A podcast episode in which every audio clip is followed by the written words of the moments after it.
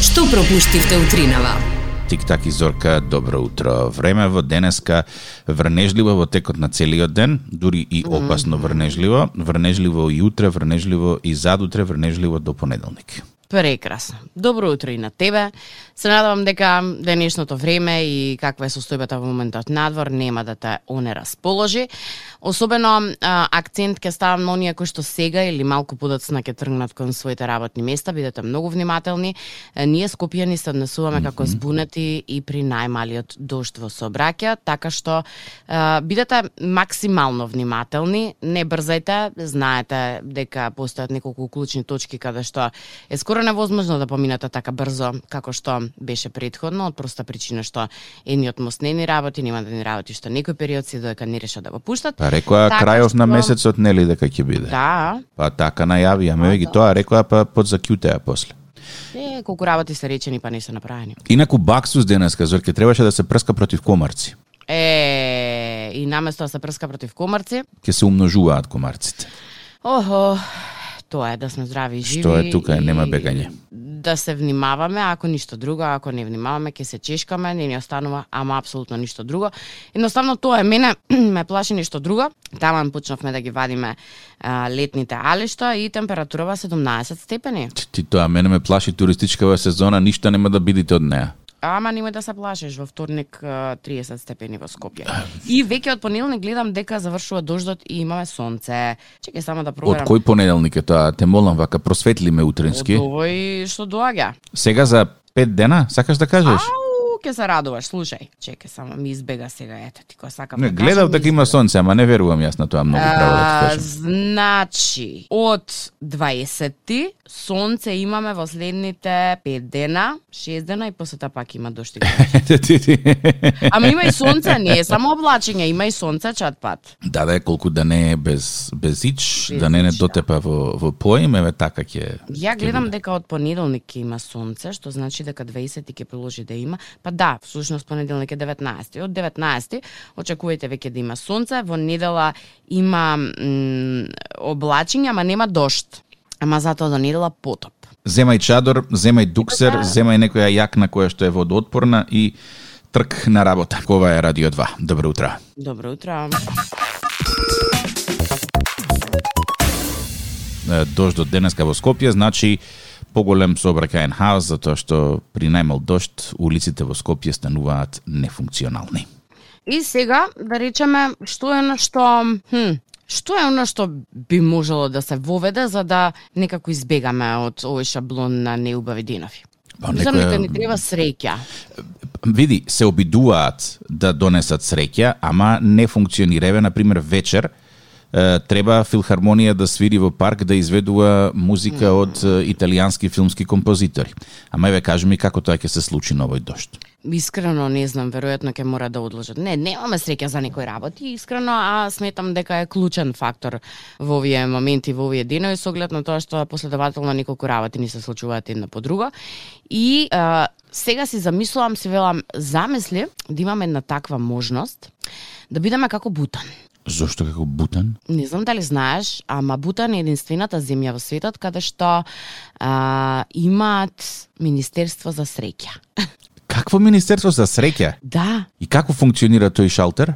Значи, владата верува а, во потрагата по среќа како цел за секој жител на Бутан. Машала. И а, оваа цел, впрочем, е и напишана во Уставот на земјата. Вау. Кога прават попис, никој да. Добра. не се чуди зошто жителите на Бутан се прашани дали се срекни, нели? Добра. Е, Каде си, колку членови има твојата, дали сте срекни? На последниот попис од 2015 година, 35% од жителите изјавиле дека се екстремно срекни. А колкав им е 40 и- GDP-то? Бруто домашниот производ? М, Значи, во Бутан не постои концептот бруто домашен производ. Па како тогаш знаат дали се среќни Наместо или тоа, не? најдобар показател за напредокот на земјата е националната среќа. Вау. И среќата се смета за најголем приоритет во сите закони. И сега излегува дека среќата со пари не се купува или се купува.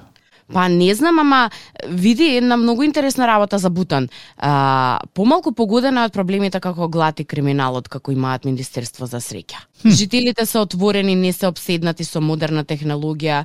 Е, Нелегално е таму да се убиваат животни, поради што и повеќето од жителите се вегетаријанци.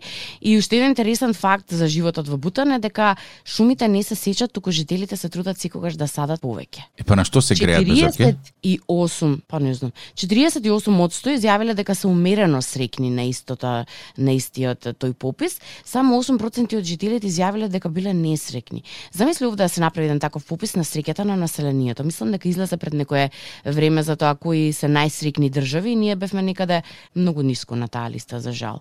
Може би Министерство за среќа е тоа што ни треба. Или се Не велам ти е од лоша друга идеја, страна, бе. или се велам од друга с- да, и да биде запишано во устав во смисла на е, нашите жители мора да бидат срекни, или еве не мора да биде запишано, ама нека биде пропагирано дека ние мора да бидеме срекни и да живееме срекни. И сега си размислувам, замисли да сме отворени за било каков тип на министерство овде кај нас. Што мислиш, какво министерство ни фали? Министри имаме од сите кадри, ама какво министерство ни фали? Министерство, министерство. Морам да подразмислам на оваа проблематика малку. А Еве, може би и ако- ти да ми помогнеш. 079-274-037 или facebook.com коса црта тик так и зорка. Доколку можеме да додадеме ново министерство, бидејќи нели сега не дека сме земја со најголем број министерства, какво министерство би сакал да додадеш? А јас морам да подразмислам на оваа тема, не спремен ме фати. Толку опции ми се промоткаани из глава, ама не сме туку така да се трошат ресурси, зорке. Едно прашање, среќен ли си? Многу. Е, па, не Дури ми и со треба да вакво тогаш време некако добро. Тогаш се не ни чувствувам. треба нас министерство за среќа, ама какво министерство ни треба, ги очекуваме вашите коментари. 7.50 е ова е Радио 2. Добро утро. Радио 2, Тик-так и Зорка, добро утро. Предходните емисии ги имаш на слушај точка тик-так и зорка.мк. Врнежливо уште три дена од понеделник најава за сонце. Во меѓувреме ги чекаме твоите коментари на тема какво министерство му е потребно на е, Македонија и е потребно на Македонија со оглед на тоа што Бутан има министерство за среќа. Е, Некои од е, пораките велат министерство за справување со дошт. Е, да, За неврнење. ќе биде и тоа.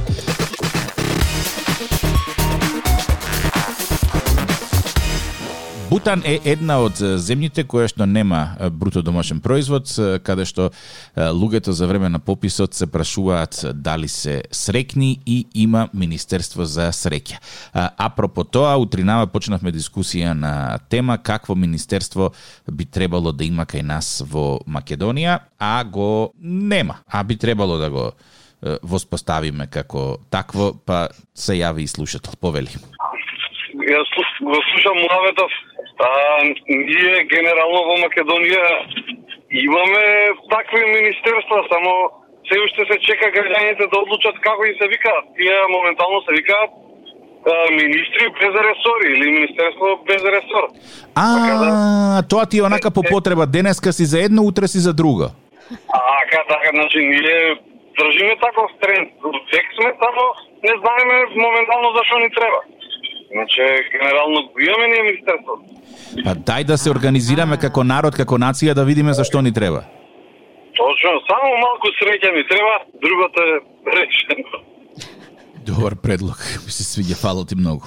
Да, од предлозите кои што стаса на социјалните мрежи, Михайло вели дека ни треба министерство против лицемерие, за кое што дефинитивно се сложувам дека е така, а Александар вели дека ни треба министерство за не дај Боже. Е, тоа е добро. И мислам дека тоа Министерство за не дај Боже ќе најде широка примена и општа прифатеност кај нас. Затоа Да. што за не дај Боже ова, за не дај Боже она и Министерство за ненадлежност, кое што по дефолт ќе се прогласува ненадлежно за се што треба. Нели имаме веќе такви многу министерства? Значи, е, А мога да биде баш за тоа, наменето. Шетајки по по институции во обид да сменам и да извадам документи, дојдов до заклучок дека во Македонија преовладуваат и доминираат две мантри. Првата мантра е се е по закон, устав или пропис, а втората мантра е ние не сме надлежни. Аха. Значи тргни да второ- кажеме во да. некоја во некоја институција да бараш нешто да ти завршат. И почнуваат со јас не сум надлежна, оди кај шефот. Шефот вели, а ова е над мене, оди понатаму, оди кај третиот шеф, ќе стигнеш таму до некоја канцеларија и тој ти вика, дечко, не може ништо да се смени овде, се е по устав, закон и пропис. Тоа И ти е таа. Така што имаш, да. Инаку Стаса во моментов уште една порака од Владимир вели ни фали министерство за надзор, кое ќе има надзор над се. Аха, не. Тука би членувале некој баби. Мониторинг систем од прва рака. Одма со информација од прва рака за се што се случува.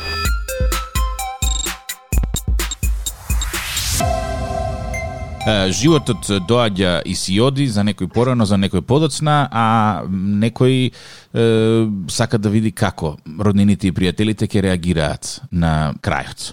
Е, просто ш- и да не постои можеби човек кој што не помислил е, кој се би дошол на крајниот час. Сега малце морбиден муабетов, ама реални да бидеме, да.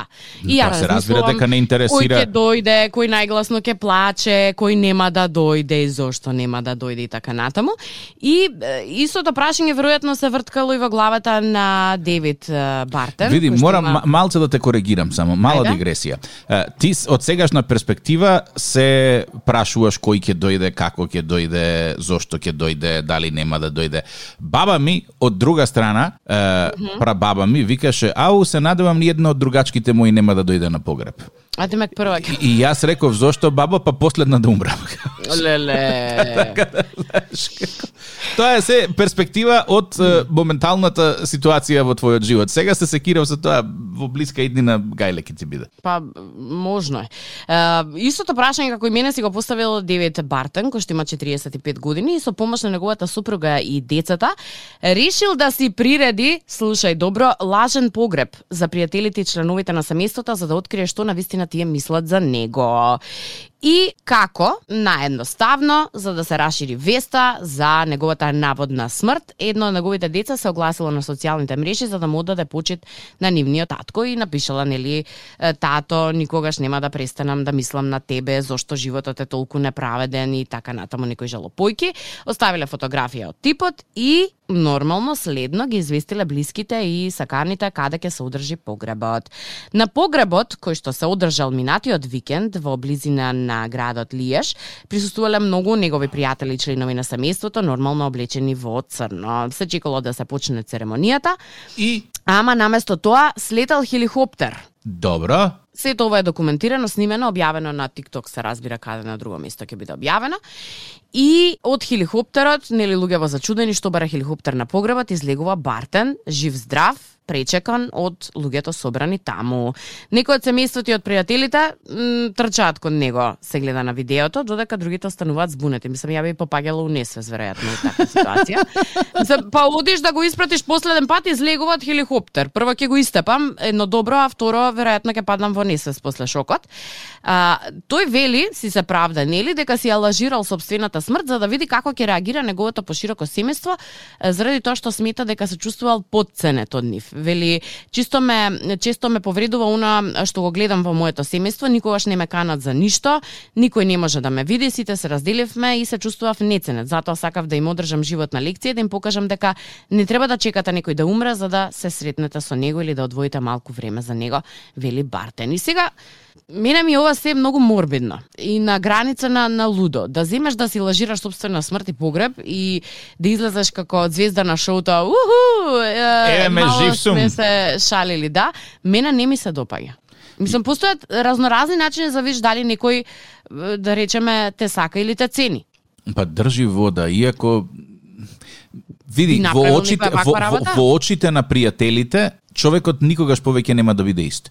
Дали јас би направил ваква работа од прва ако ме прашаш да, ако малку подобро размислам најверојатно не затоа што ќе има некои последици.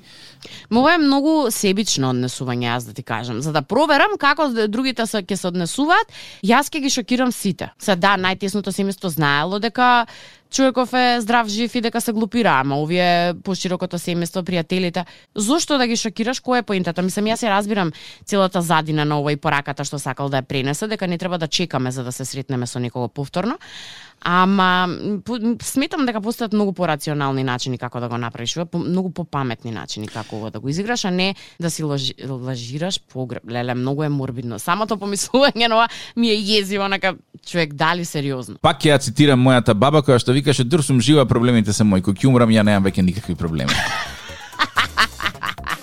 Ова е Радио 2. Добро утро. Добро утро. дошт во текот на денот, е, инспириран од потегот што еден белгиец е, го направил, а тоа е да си го иницира собствениот погреб, иако човекот е жив и здрав, имаме слушателна линија со приказ на повели.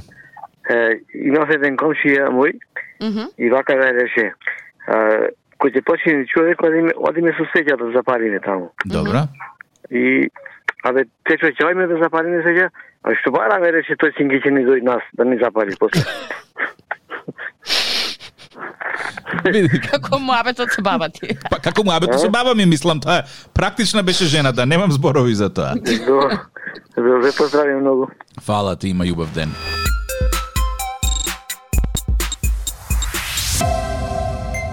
Тик-так и Зорка, добро утро, според сценарио, непотребни факти, ама на линија нетрпелив слушател, повели. М, Трпели сум јас, само најавата беше за гатанги. Ја рековме бескорисни факти, па гатанки, гатанки секогаш после 9 одат. Добро, извини. Ајде, ајде, кажи се, ако си тука више преку ред, може, ке те протнеме.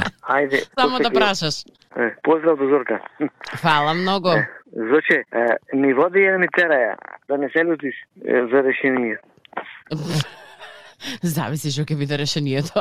Не можам да гарантирам. Ни водија, Но ни може да тераја. погодиш, може да погодиш. Мм, Јас може да погодам? Бајде, Жена. добре. Да ти јаво. Имаш пијачка од мене. Кој ќе дојте речени.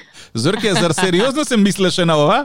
Па Да ми тука извини, ме Зорка. збуни малку кај кај Зо- да не Зорке, се значи, извини. лутиш. Не, таман работа. Бе, такви сме, ни без нас се може, ни со нас се може. Зар, зар, Не зар... за жени беше, не, не беше за женски. Да, не, за- значи толку ли не можеше да го... Е, а, добро. Фала ти многу, друже. Е, ке си го земам, ке си ја земам наградата кој ќе дојдам во Ресен. I'm sorry. Ајде ќе ќе дојте но. Готово, договорено. Чао, чао. Добро. Секое сме. добро, се слушаме. Чао. Чао, чао. да Чао.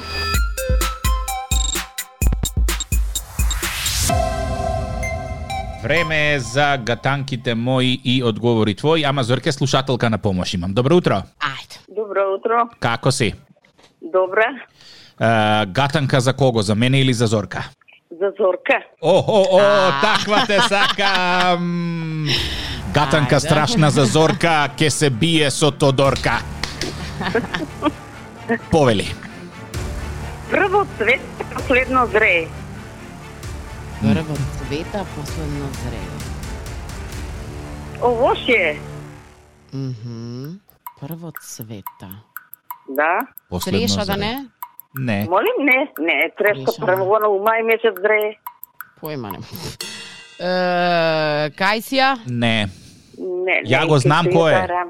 ти осеќам дека го знаеш кој е. Го знам кој е, како Зорки ова по ЗПО се учеше во трето оделение. Да, да, да, е по трето оделение до сега, до 34, многу поминале години. Е, еве не знам, се предава. Може јас? Може? Грозје? Не, не, и грозни. Ау, се избрука пред цела Македонија. Ле, ле, ле, ле, ле, ле. И На зре падна, знам. Овошјето да го преклонала осата, ако ја имате слушарон таа приказка за оста и за пчелта и за Господ, и ќе го погодите. не сум ја слушал. И Јас не, јас знам таа приказ. И кој е овошјето? Дрен. Ау.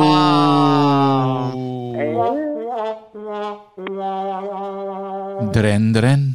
Дрен дошла оста на дренот и пчелта избркала и не послушала оста и Господ ја чукнал со става со оставо дрен и она затоа е толку истанчена А, на средината на стомакот. човекот учи додека е жив.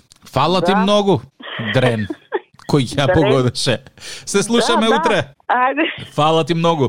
Чао, Многу чао. ви се Слава. пријатно се најубаво. Фала. Имав чувство дека си еден од оние ученици. Јас наставничка, јас наставничка да кажам, и наставничката вика добро, тик так, ајде, молим те кажи, е па не знам. Е па добро, ден сега и ти так греши. Кој е? И сега чекај како е резултатот? Сега, Сега е 10-8, исто како и вчера, никој не погоди. Како ти беше си во како предност. предно- А, Јас сум во предност. Добро, Да, да, додека да, да. сум јас во предност нема проблем. Уште една гатанка предлагам некој еве да не да проба да не надитри. Јас сум во е, полна енергија и сметам дека ништо не може да ја попречи мојата победа.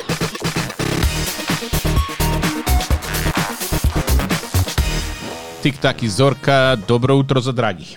Добро утро. Како се? Еве, работно по Дождов. Е, уште врне, предпоставувам, така? Врне, да, врне се. Према струмица одам врне. Грозно. Се надевам дека Така. до понеделник ќе преврне. Повели. Тоа е така.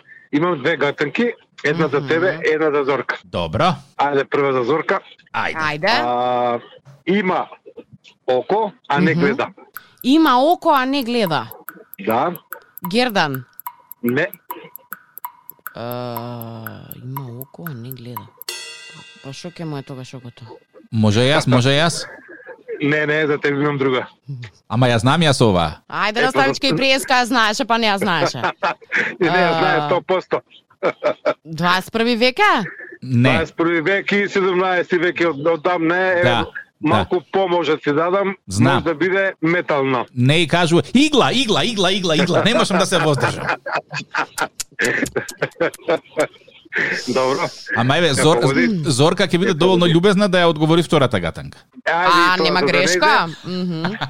Втората е малце по, по, потешка, мислам. Е, да бе, не си фер А, на, на Зорка брат. полесните и ги даваш мене по тешките. Фере, фере. Мгм. Ајде, сега ќе биде фер, значи и втората за Зорка ќе биде. Добра. Ако го изговориш моето име, јас ќе престанам да постојам. Тајна. Јас. Не, Не. Не. Тишина. пиши на Зорке така. Е. Гледај Зорке како пата пата. Јас твојата, ти мојата, јас оваа не ја знаев, ти иглата не ја знаеше, мене ми беше очигледно од сам старт и волкот сити, овците на број, резултатот не променет. Не, не решено така, најфер. Најфере. Да. Океј. Ама Никола таа на Свекеј- тик-так малку полесна беше сега да ти кажам. Па добро, бе, јас мислам дека е потешка, Али али дека е уште камера првото, ама добро. така. Пошто рековме фер, преска ми беше темата за за а, министерства, јас сум дека треба да има- треба да има едно министерство за фер. За ферплей? За фер, да, воопшто фер. Од- Да не те разочарам, ама мислам дека ќе пропадне многу брзо. Јас се согласувам. Па да, ама би требало да има такво министерство, затоа што се почине од тоа нефер. Било каде, Знам, да. било каде. Сосема си во права. Така. Фала ти Убав ден. многу. Убав ден. Се слушаме. Пред сам крај Зорке стаса една порака од е, Драган, вели имам одличен бизнис план за вас поврзано со оној типот што си го исценирал собствениот погреб. Си напишеш листа на лица кои што мислиш дека треба да ти дојдат на погреб, ја даваш до компанија и на истата таа компанија и го даваш твојот мобилен телефон откако ќе е, починеш. Тие кои што не дошле добиваат SMS порака од твојот број.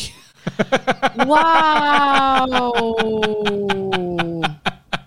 Ја во поинаква смисла ова го размислив. Е, Реално не во таа смешната смисла, но тоа е многу јако. Да има опција некоја да да се праќаат SMS пораки. Почитувани пријатели, јас повеќе не сум дел од овој земски свет. Ве поканувам за последен пат да се подружиме. А, ш- шега на страна, нешто вакво се тестира во Јапонија. Да? Да, бидејќи таму имаат е, голем број на стара популација која што не живее со собствените деца, е, постојат е, некои гаджети налик на смарт часовници Добра. кои што во моментот кога ќе престанат да детектираат пулс, Пулс. испраќаат нотификација до одредена група луѓе. Хм.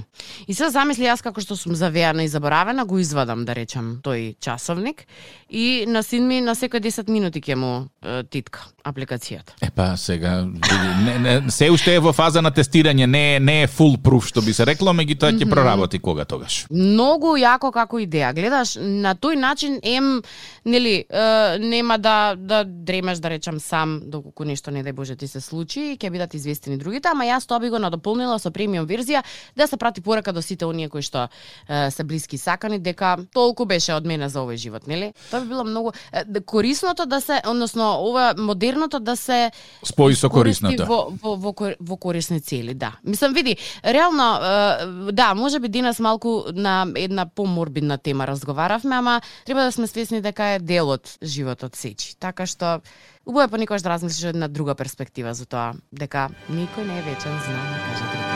На Радио 2, секој работен ден од 7.30. Будење со Тик-так и Зорка. Во случај на неконтролирано смеење и симптоми на позитивно расположение, консултирајте се со вашиот лекар или фармацевт.